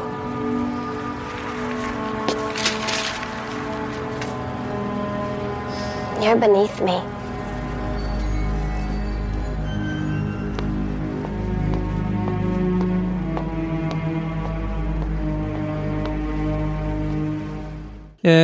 Jag har skrivit upp You are beneath me. Mm. Som eh, tror jag är en referens till eh, det där avsnitt, där Spike-avsnittet, vad fan heter det? Där av, avsnitt som handlar om Spike, där hon, Buffy säger... Fool for Love. Just det. Nej, Fool for Love så är det flashback när han är människa innan han blir vampyr. Och den där kvinnan han älskar då, som sen är The Hoffrin va? Nej, Halfre, Halfrek. Anjas Ja, kompis är just det ju. Just det, det är det. Ja, eh, hon säger You are beneath me och allt det där. Säger inte Buffy det också? Nej. Jo, det, säger, det blir en callback till det sen. Ja. Men alltså Fool for Love är den första gången på 1700-talet eller vad det är. Ja, men det är väl samma avsnitt som Buffy. Ja, det kanske det är. Ja, vad dumt. Strunt samma. Ja. Det, Men, men det var den kopplingen. Jag, jag sen- undrade också om det, var, om det var en sån eh, koppling så som man skulle se. jag tror det, för det var, var mycket Spike. Det har jag Mm. skrivit upp här. I'd rather have a railroad spike through my head than listen to that awful stuff. I love you, Cecily. Please stop. I. I know I'm a bad poet, but I'm a good man. All I ask is that. is- is that you try to see me. I do see you. That's the problem. You're nothing to me, William.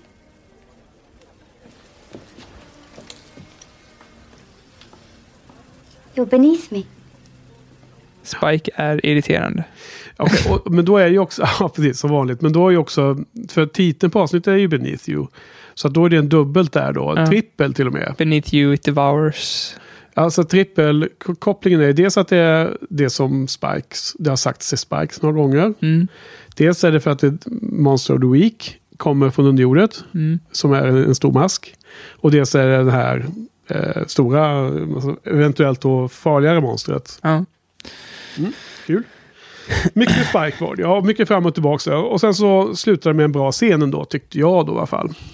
De Just det. fick sin lilla konklusion där. Ja, men... Ja, den var väl bra, men... Ja, jag har redan pratat tillräckligt om Ja. Spike. Men vad, eh, ska, vi av, ska vi ge betyg på det här avsnittet då? Ja, det kan vi jag har inte så mycket att säga egentligen. Vill komma vidare till trean. Ja, Vad, vad tyckte du om det här? Då får du spela dina beans först här. jag tyckte nog att det var ganska okej Monster of the Week avsnitt det här också. Ja, Så att jag säger nog en femma där. okej. Men det gick ner lite ändå. Ja, jag tror det. Jag tyckte första var klart bättre än eh, hela den här Sunnydale och allt sånt där. Ja, Tyckte jag. Ja, Jag, jag gav den tvåa först, men Ja, sen var det lite bra sista scen, så jag, jag satte tre på den till slut. jag, jag tror att jag blev lite...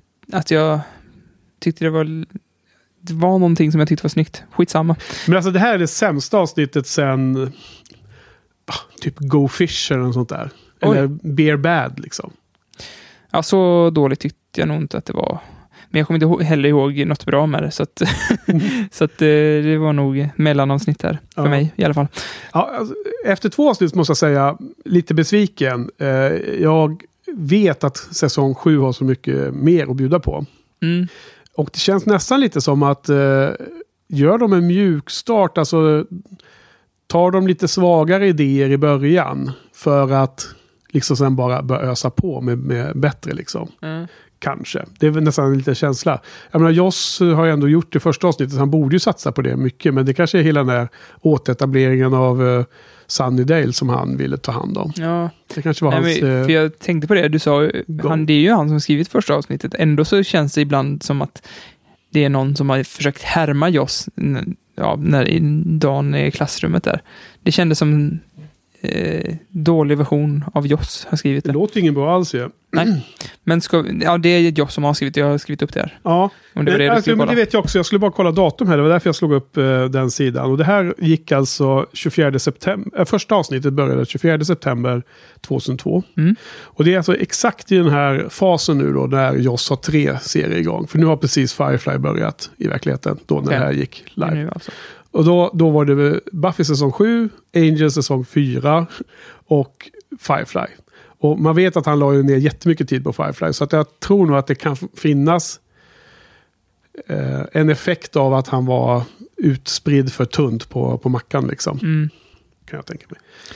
Ja, hon, han kanske skulle släppt det i avsnittet till Mardin Oxon eller något. Ja, men du, vi går vidare till det intressanta Ja. tredje avsnittet som heter Same Time, Same Place.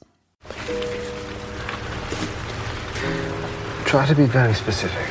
What exactly are you afraid of? Well, for starters, how about the Hellmouth's getting all rumbly again? And, and now I know it's got teeth. And are those literal teeth? Because I don't know if I can handle it. And what if I can handle it? Does that mean I have to be a bigger, badder badass than the source of all badness?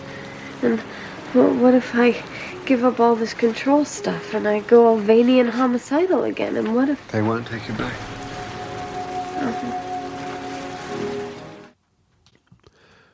Sådär ja, jag ska ta en eh, klunk vatten.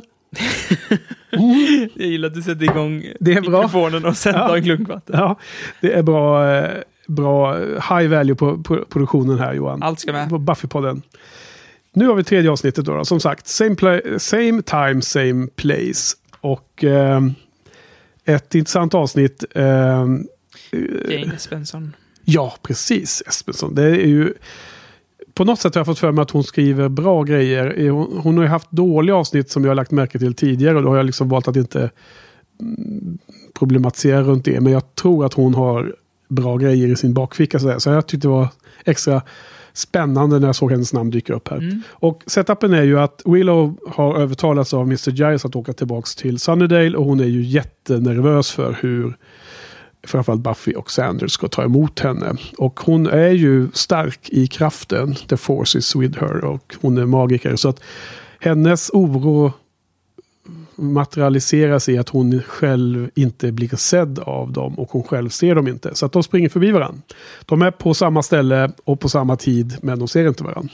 Däremot så ser ju Spike henne och Anja ser henne och så vidare.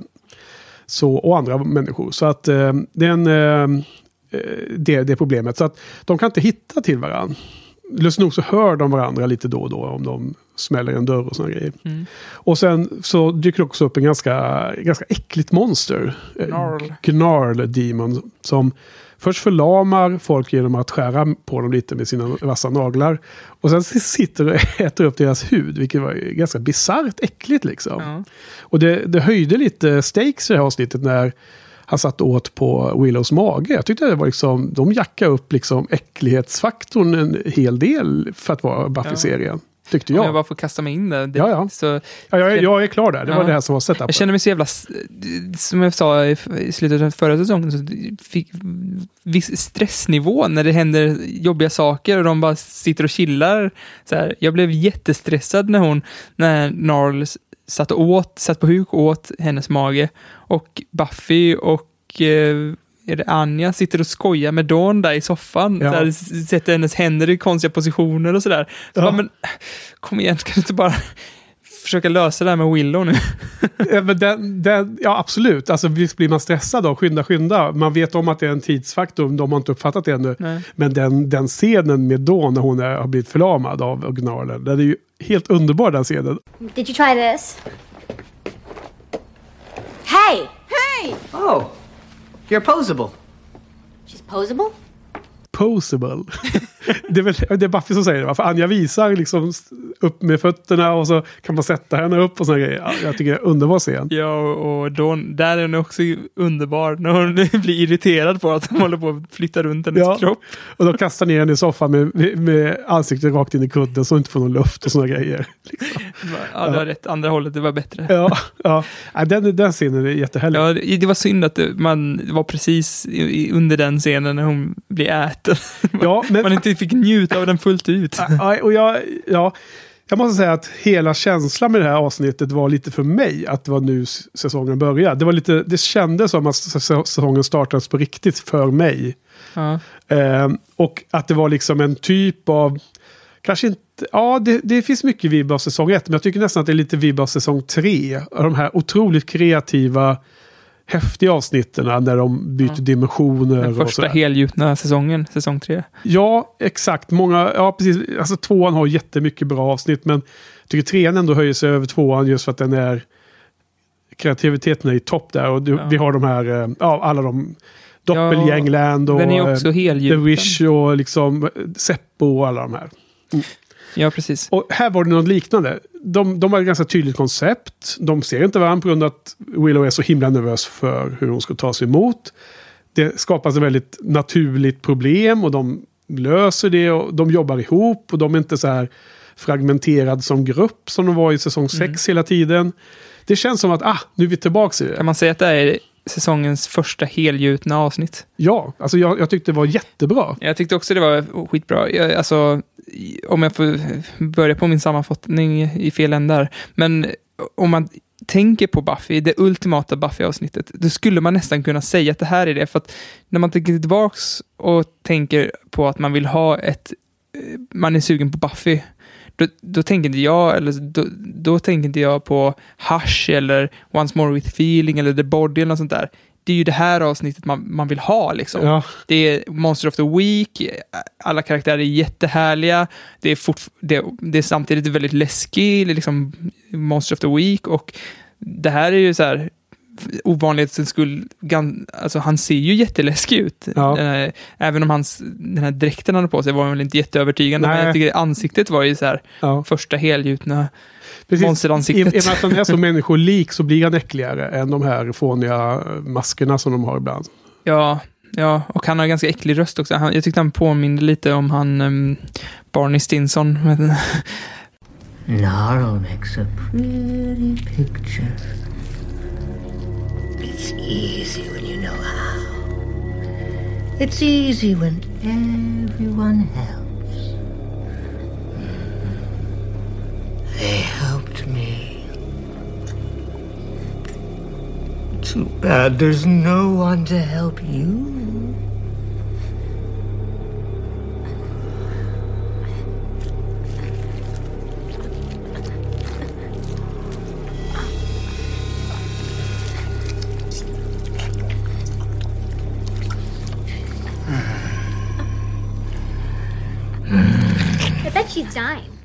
Barney. Barney, Ja. Men, eh, Vad påminner om honom? ja, hans röst påminner om honom. Jaha. Men det är tydligen... jag, eh, jag, jag, jag så tyckte du sa Simpson och jag blev helt förvirrad. Stinson! Ja. Men han eh, sp- spelas tydligen av någon eh, gentleman. Alltså, Ja, jaha. så det var ju intressant. Coolt, coolt. Eh, ja, precis. Nej, men han, var, han var ju bra. Det var bra monster. Och eh, på den nivå man vill ha dem ju. Och Ja. som vi förväntar dem egentligen. Ja. Den där masken som var avsnitt två var inte alls lika roligt. Verkligen.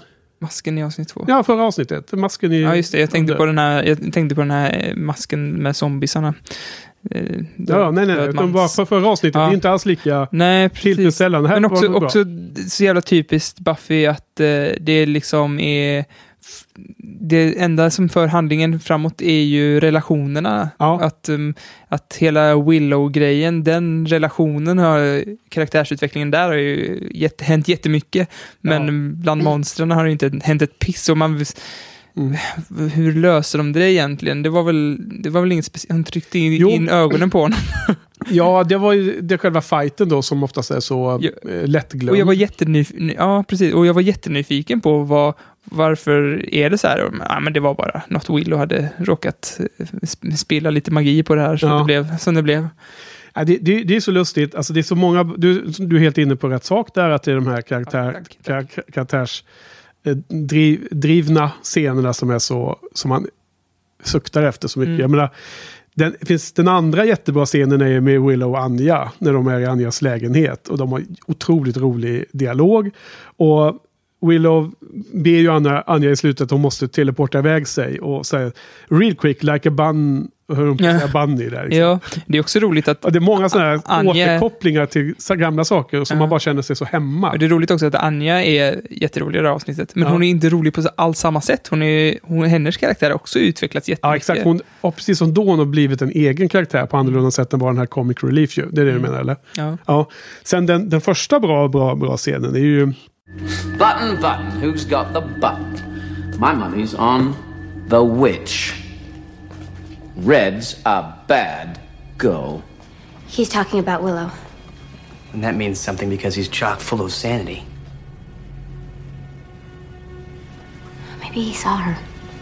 They think you did it. The Slayer and her boy.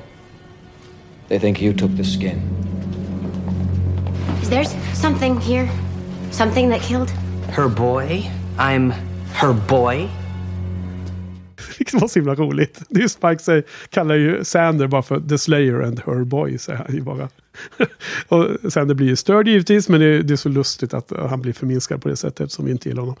Ehm, och där är det väldigt roligt för att uh, Tänk du på den scenen. De är väl där nere i någon källarvåningen på skolan och Spike är som att han pratar samtidigt med bara med Willow och sen bara med Buffy och Sander. Ja, just, ja, det var så jävla Fantastisk scen. Ja. Och det är som koreograferat för att det ska funka. Mm. Och man vet inte riktigt... Är det liksom... Sker det här samtidigt eller? Och varför ser de inte varann? Och Mm. hur, vem är det Spike egentligen pratar med? Finns de i hans huvud bara? Mm. Många roliga grejer. Och sen så avslöjas det ju där att det är väl i den scenen som det avslöjas av Spike. Buffy hör att, att um, Spike börjar, börjar prata om the, the, the, the, the Witch. Alltså um, Willow. Och då förstår de att hon är där någonstans.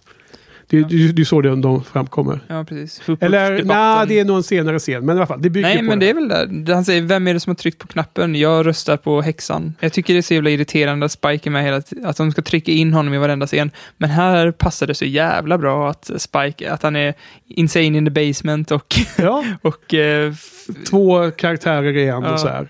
Det funkar helt perfekt. Så Ja. allt är full, full på platsen. Ja. Jag, håller helt med. Det, det är så otroligt roligt där då. Eh, ja, jag, känner mig lite um, ångest här att inte vi har ordning på exakt vilka scener som kommer i vilken takt. Just vi, vi pratade tidigare om den här Westworld, där går de igenom scen för scen ju. Mm. Fast det är inte så himla roligt egentligen va? Är det det? Eh, är det något vi ska göra, tycker du? Ja, det tycker jag. Tycker du? Skämtar du? Nej, men eh, jag tror Ta, att... tala om långa avsnitt då. Ja, men jag tror om Buffy hade kommit ut idag och det Ja. bara kom ett i veckan, Ja. då hade det nog varit intressant att ta, dissekera ett avsnitt, Ja. eller, eller en scen i taget. Liksom. Ja, just det. Det tror jag. Scen för scen så, ja. Ja. Okej, ja. Nej, vi har väl valt att inte göra det som alla vet som har lyssnat på oss tidigare. Vi Ja, pratar lite mer, det mer flummigt och ibland har vi helt för, förvirrade... Jag, jag, jag tror att de i första avsnittet av Westworld-podden försökte göra lite som oss, att de bara snackar fritt. Mm. Men de lyckades ju inte riktigt med det. Inte de heller. nej, de var tillbaka till den här Precis lika förvirrat som vi. Ja, scen efter scen kör de sen. Ja. Ja, det är klart att det blir en struktur som man får på köpet då, ja. Mm. Av, av showen dessutom. Showen. Ja, och de är vana vid att köra vid det. Vid det. Vi- är ju vana vid att liksom bara säga det första som kommer upp i huvudet på oss, Ja. istället för att köra den kronologiska ordningen. och Precis, sådär. hur, hur eh, Det är också en grej. det än är. Det, det, Men du, det, för jag tänkte på det Vana, för de, nyss. de, de kör Game of Thrones-podd på det sättet också, eller? Jag har Ja. aldrig hört den. Ja, de gör exakt likadant där. Scen och även eh, i Better Call Saul och eh, Breaking Bad-podden också. Jaha. Kör de likadant. Vilka, eh, eh, eh, vad heter det, vilka små arbetsbin. Ja, De är igång- David Chen de är igång ju mycket. ett, en maskin. Och Mm. han har ju han har ju väl, jag tror att han har ett vanligt jobb på Microsoft och så han Slash-film också. Han har startat upp den här nya podden Mm. med henne nu som är... Som man vill ha pop. betalt för. Ja, Patreon. Alltså han vill ju inte ha betalt. Alltså man kan ju Ja, lyssna på den gratis, men han vill ha Patreons. Han vill att folk ska betala Ja. så de kan leva på det. Men ja, jag har inte lyssnat på den. Jag vet inte om det är jag, någonting. jag, jag, tyck, jag lyssnar på den och jag tycker det är tråkigt. Nej, men jag lyssnar ju typ på allt han släpper så att eh, någonting får man skippa. Jag fick en känsla av att den inte lät så rolig så jag har inte ens prövat. Okej, okej. Mm. Ehm, och eh, nej men så jag älskar det här avsnittet. Det är ju... ehm, det var ju som en riktig pang-avsnitt och jag satt där, och det var ju då jag började eh, skicka message till dig. Liksom, så här, för jag Ja. ville liksom prata av mig om avsnittet men så visste jag inte om du hade sett det eller inte så jag kunde inte säga något. Jag ville inte Mm. Ja, så men det, var li, det var lika bra. Fick vi snack. Ja. Men just det, det jag skulle säga var att man har liksom en struktur att gå efter, det har ju inte vi. Vi bara säger, eftersom vi säger allting som kommer upp i huvudet när vi tänker på det. Så jag tror att det är lite anledning till att det blir väldigt långa snack i början. För vi knyter an till avsnitten som kommer mycket. Men, och när vi kommer till sista avsnittet märker jag här nu att hälften av alla punkter jag skrivit ner här har vi redan pratat om. Ja. Så då blir det ju lite kortare i sista avsnittet. Det betyder inte att man har pratat mindre om det, det är bara att man har, Mm. har vävt in det i avsnitten vi- tidigare. Första avsnittet vi pratade om ikväll så reflekterar vi över saker som också hade kunnat ta, tas Ja, nu. he, alltså he, hela sp- Spike-grejen Ja, har, jag, har jag redan av, avklarat. Jag behöver inte, Nej. och jag vill inte prata om honom mer. För, för att inte göra lyssnarna allt för besvikna så, så har vi ändå förberett med massor med notes och sånt. Så vi är inte helt, vi är inte helt blanka här. Spelar det någon roll? eh, Nej. För, Eh, Ibland önskar man att man kanske skulle skriva sina eh, anteckningar med lite mer struktur så man kan komma ihåg var i avsnittet man är när man pratar om de sakerna. För det kan jag kan känna att det är frustrerande när man inte kommer ihåg om, när de sa det. Eller när de gjorde olika saker. mm. Ja, men jag har pissdåligt minne så att jag, jag är van vid att inte komma ihåg saker. Det får vi bjuda på att folk tycker att vi är lite dåliga som inte har koll på saker och ting i, inom avsnitten. Men det är lätt att det blandas ihop i en sån här serie. Har det visat sig. Eh, det var många roliga saker med, med då när jag är tillbaka till när hon var förlamad där. Då, då. De, de håller på hela tiden att säga att men tänk om hon kräks och så här. Guess we have to go back. We can't just leave her here like this. What if she vomits? Do you think she'll vomit? I'll call Anya. She can watch her. Right, she'll love being called for vomit watch. Mm. För att de skulle lämna henne ensam. Ja. Och det är så, en anledning till att hon skulle kunna kräkas är att de råkar prata om att kräkas. Så det är en lustig grej.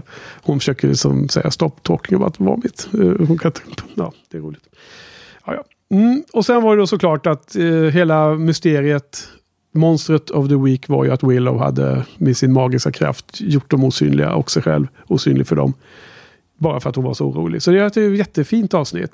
Det, var, det var så passade in på var någonstans karaktärerna befinner sig. Varför skulle hon spy för? Nej men alltså när, när de var tvungna att eh, rädda Willow så Ja. måste de ju lämna Dawn där. Ja. Och då säger de, men kan vi lämna henne här? Och då säger, eh, det är Anja och, och, och Sander och eh, Willow, Ja. äh, Buffy. Och då säger någon, nej, det, det är ingen fara, hon kan ligga där så länge hon inte eh, spyr.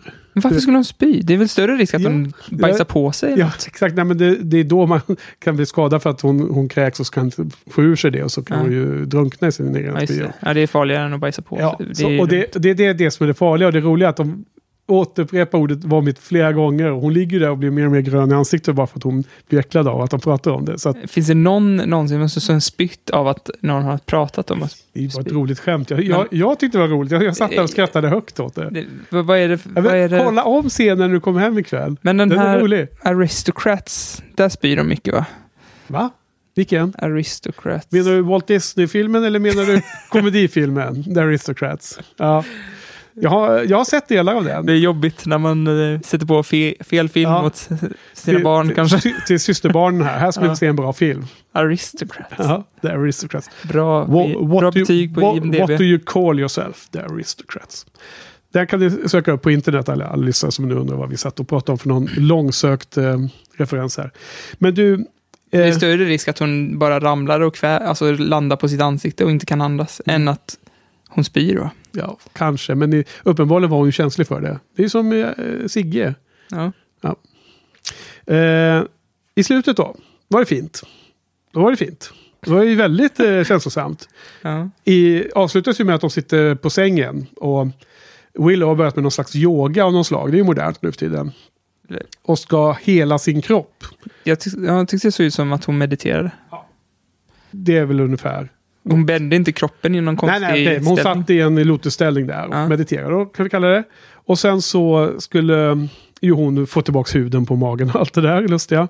Och det krävde hans kraft och då så erbjöd ju Buffy sin Slayer-kraft genom att hon tog henne i händerna. Och så är det fade out och så är det jättefint slut. Men jag hade så gärna önskat att de hade fortsatt den scenen och bara att man, man fick se face reactions av Willow när hon känner kraften komma och, och Buffy när hon känner också att de är... att de, lämnar henne. Att, nej, men den känner resonansen hos Willow. Känner Mm. att de blir ihopkopplade. Ja, Alltså, får... för det var ju exakt det som de skulle göra. Det, det var ju det de gjorde med att hålla varandra i händerna. Det hade varit så himla bra om de hade liksom bara gjort den lilla, lilla extra grejen. Det, är liten, det hade varit ännu bättre. Då hade det, Då hade det blivit töntigt. Va? Då hade det blivit för töntigt. Nej! Det säger du bara för att du inte tänkte på det själv. Eller? Det genialiska draget att Ja. visa ansiktsuttrycket när de håller varandra i handen. Ja, om det nu är en sån magisk värld och det är så att Buffy är så stark och så vidare. Mm. Jag menar, det är ju... Eh, jag försöker snabbt tänka efter om det finns någon film eller tv-serie där man sett något liknande när man lå- låter ut sin kraft. Kan inte riktigt komma på något nu. Unik. Du tar den här idén och så Nej, nej, gör nej, du en nej. den är absolut inte unik. Den, den är ju standard som attan inom fantasy-litteratur och annat. Men jag menar, det är som en stark eh, eh, scen som gör att de här två karaktärerna bondar. Det är det de gör där också. De bondar ju med varandra igen. Mm. De har ju varit ifrån varandra. Buffy har ju varit bekymrad över att Willow har mördat massor folk. Liksom. Ja. Ja, en jättebra och viktig scen. Så att de hade gärna fått göra den liksom ännu ett snäpp starkare. Mm. De pratar om, i, i den här podden också om att eh, vad heter hon? Dawn. Ja. Hon har behandlat Dawn ganska illa, så att Dawn var ju lite så här, hon kanske borde ha dåligt Ja. samvete. Ja, men det var lustigt att Dawn fick vara den som, som eh, bröt av emot att alla höll med om att det var så viktigt att ta- ta emot Willows. Det Ja. var jätteskönt. Det var ju det som kanske Anja hade gjort förut i säsong 4 och 5 och som kanske Cordy hade gjort i säsong 2. Mm. So Giles is blaming Giles, and we're blaming us. Is anyone gonna blame Willow? Eller hur? ja, okej. Men vad, de, när Norland satt och åt på henne på Willow. Ja. Jag tyckte jag kände igen den scenen. Har man sett den förut? I Buffy eller generellt sett? Ja, någon annanstans. För det- alltså, någon, så här, det här med att det gick så himla lätt att pilla upp skinnbitarna. Ja. Alltså det, det, uppenbarligen så har de bara lagt skinnbitar på hennes mage. Alltså, eller något. För det var De inte måste ha samma- skurit ur dem ur Ellison Hannigan innan de började spela in Ja, scenen. precis. För att det var väldigt lätt att få bort dem. Jo, men är det någonting du har sett med Hannibal the Cannibal eller från Kanske. När Lammen Tystnar-serien? På något sätt? kan det vara kanske något är i sån, någon sån typ av film? Kan vara något sånt. Ja, jag har någon, det ringer liksom en vag klocka långt bort. Det känns inte som att jag kommer Men, på eh, något direkt. Om man vet, känner igen någon liknande scen, får man gärna skriva det som en kommentar. Mm, absolut. det stör mig lite att jag inte riktigt kan placera var- vart jag känner igen det ifrån. Exakt, vi inför en ny uh, grej i Buffy-podden. Att det är veckans uppdrag åt tittarna att eh, besvara den här frågan som vi är förvirrade över. Veckans fråga. Veckans fråga som tittarna ska besvara. Hjälpa oss med.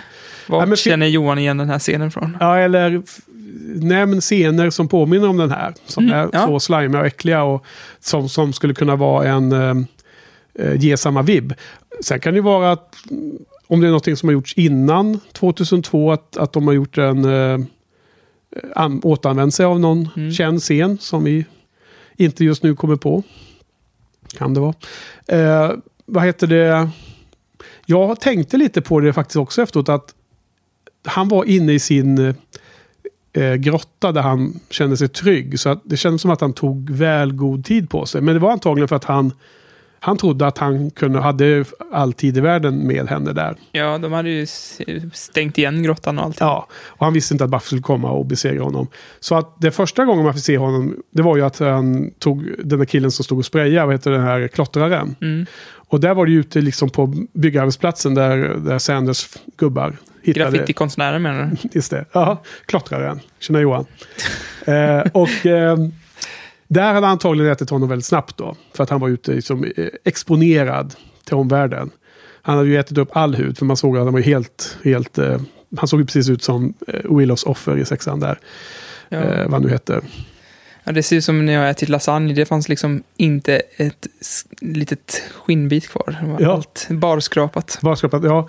Och dessutom hade han druckit upp blodet som har kommit ut på marken. Sades också när de gjort någon analys där. Det fanns inget blod kvar. Nej, precis. Man såg att han uh, suttade på Alison Hannigans mage. Ja, precis. Han sörplade lite där. Ja. Precis. Ja, nej, det var faktiskt eh, överraskande slimy scen som var lite så här... Eh, eh, om man var svagmagad eller vad det heter. Eh, alltså att om man liksom var äckelmagad kanske man säger. Eller? Mm. Så hade man nog tyckt att det, den var ännu mer äcklig. Liksom. Eh, jag, jag var lite åt det hållet. Han hade att- lite så här Holy Motors-aura den där Norland. Ja, naglarna där ja. Ja, just han knäppte med fingrarna Ja, på den där lilla gröna gnomen i Holy Motors. Eh, Är det inte den du menar? Med han, långa med, han med kostymen liksom. Ja, gröna. På, på eh, vad heter det, kyrkogården där eller vad det. Ja, okej. Så eh, vad kan man säga om det här då? Ja, jag, jag tyckte det var jättebra och eh, samtidigt så vill man ju hålla höjden. Eh, betyget, vad heter det, betygsskalan ska ju eh, verkligen, eh, man ska ha respekt för den. Så jag satte 8 av 10. Så det finns ett eh, snäpp Ja. högre. Jag kunde inte riktigt med att sätta 10 av 10 för att jag tycker ändå att det är det här är essensen av ett Buffy-avsnitt. Ja. Det är perfekt Buffy-avsnitt. Utan att vara The Body eller Hush eller något sånt här specialavsnitt. Så är det det här, det här är nog det bästa standard Buffy-avsnittet ever. Vad lustigt. Tror jag. Vad bra. Det bästa Monster of the Week-avsnittet om man ska säga. Mycket intressant distinktion. Det borde man egentligen titta ut vilken man gillar som mest. Men så du, vad hamnar du på då? 9 av 10. 9 av 10. Perfekt. Bra Johan. Det är jättekul. Eh, nej, men det är också lustigt att vi båda reagerar så lika. För jag var lite så här, man blir lite så här, oj, har jag missat något här nu med ettan och tvåan? Har jag, har jag, har jag tappat det liksom? Mm. Jag gillar inte det här längre nu, helt plötsligt. och sen så att trean kom och var, och var så bra så var det en skön bekräftelse. Att, ja. men det funkar Jag tror ändå. att man får lita på typ Jane här. Man kan inte lita på Joss längre för att han verkar för busy. Ja, Douglas Petrie andra där var ju vekt. Ehm, på tal om vilket är det bästa och vilket är det bästa som är Monster of the Week och vilket är den bästa overall och så vidare. Så på um, Facebookgruppen för The Slayer Club, eh, som är på Facebook där, Mm. då hade ju Joel skrivit en, en nyårsresolution, en nyårslöfte heter det va? Mm. Att han skulle skriva alltså en topplista på alla 144 avsnitten i rangordning innan The, The Slayer Club tredje festen, som är i mars. Jag undrar om man kommer göra det. Ja, det, jag undrar också. Men, men en bra grej kan vara för att han har ett Twitter. Mm. Vi länkar till hans Twitter. Åh, det kommer inte bli något... Alltså vi har inte tillräckligt med lyssnare för att det ska bli någon Twitterstorm. Det hade varit nice ifall ett par i alla fall gick in och tweetade honom och frågade hur det går med listan. Påminn honom om listan. Vi kommer lägga ut hans Twitter-namn. Gå- Alla lyssnare, eh, vad heter andra grejer ni ska göra till nästa vecka? Tweeta till Joel och undra hur det går med topp 144-listan av Buffy-avsnitt. Mm. Eh, han hade också sagt att han ska se Firefly innan festen. Så han kan dissa eller hylla den på festen. Och sen var det tredje. Vad var det nu han sa då? Jo, han skulle se, var det Dollhouse? Nej, oklart. Jo, det var nog Dollhouse, ja. Var det det? Det här kommer inte han hinna. Jo, men han får väl eh, lägga på ett. Han ska ju även streama spel med mig. Ja, oj, oj, oj. Vi ska ju streama Buffy. Mm. Och för alla som undrar så lyssnar vi då, um, om vi mot förmodan har några nya lyssnare så, så pratar vi om en tidigare gäst och kompis till oss båda som heter Joel som är med här lite titt som tätt. Han heter Joel Burman ihop på Twitter. Twitter.com snedstreck Joel Burman. Vi kommer länka till det. Och så kan man tweeta. Inget punkt eller mellanslag något Nej. emellan. Eller ihop, underscore. ihopskrivet. Precis som hans Yahoo-adress. Jaha. Fick jag lära mig för ett tag sedan. Okej, det där får vi bipa ut. Nope. Dit kan man också mejla. Ja, får vi ge hans mobilnummer och adress. Han blir jättestressad om man mejlar till honom också. För att han tycker att han får så mycket mejl. Ja, det hade varit jätteroligt. Kom inte ihåg, vi har, vi har eh, ett, filmbloggare, vi brukar mejla till Ja, varandra. ja. Han blir jättestressad av alla mejl vi skickar fram och tillbaka. Där. Jaså? får han ju gå ur den här listan. Ja. Eller bara skita i att läsa. Man Ja. måste, ja, jag vet. Ja, så får allt inte. Det är bara Nej. att lä- lägga Det, är bara lä- auto-directa dem till en egen inbox. Liksom. det här var ännu roligare ifall man mejlar honom. Ja. ja, ja. Ja, men vad, vad bra. Då har vi ju täckt in de här. Det är ju bara, bara tre avsnitt idag. Det- Det känns som en ganska bra nivå.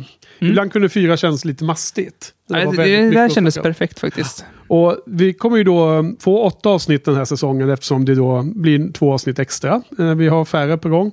Och vi kommer ha tre nästan alla gånger, men vi kommer ha två avsnitt också. En gång mitt i och sen en gång i slutet. Mm. Och då kommer vi verkligen ha tid att kanske dissekera avsnitten lite mer då. Får vi köra en David Chen och Johanna Ja. Robinson. Gör vi liksom, igenom. prövar vi så hittar vi rätt format precis i sista, sista, avsnittet innan det är slut. Nu satt den. ja, precis. Ja, ja. Nej, men så nästa vecka så fortsätter vi. Eh, då kommer vi tillbaka och då är det ju tre avsnitt igen då som är det normala i det här säsong sju.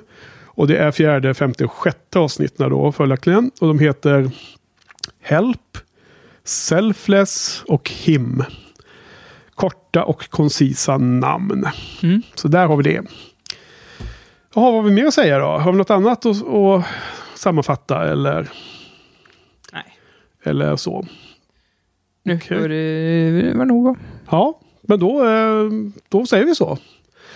Så får vi önska alla en trevlig vecka så hörs vi på återseende eh, på måndag om en vecka från nu. Mm. Tack för den här veckan. Mm, tack Johan. Tack Henke. Tack Joss. Tack tack för för oss. oss.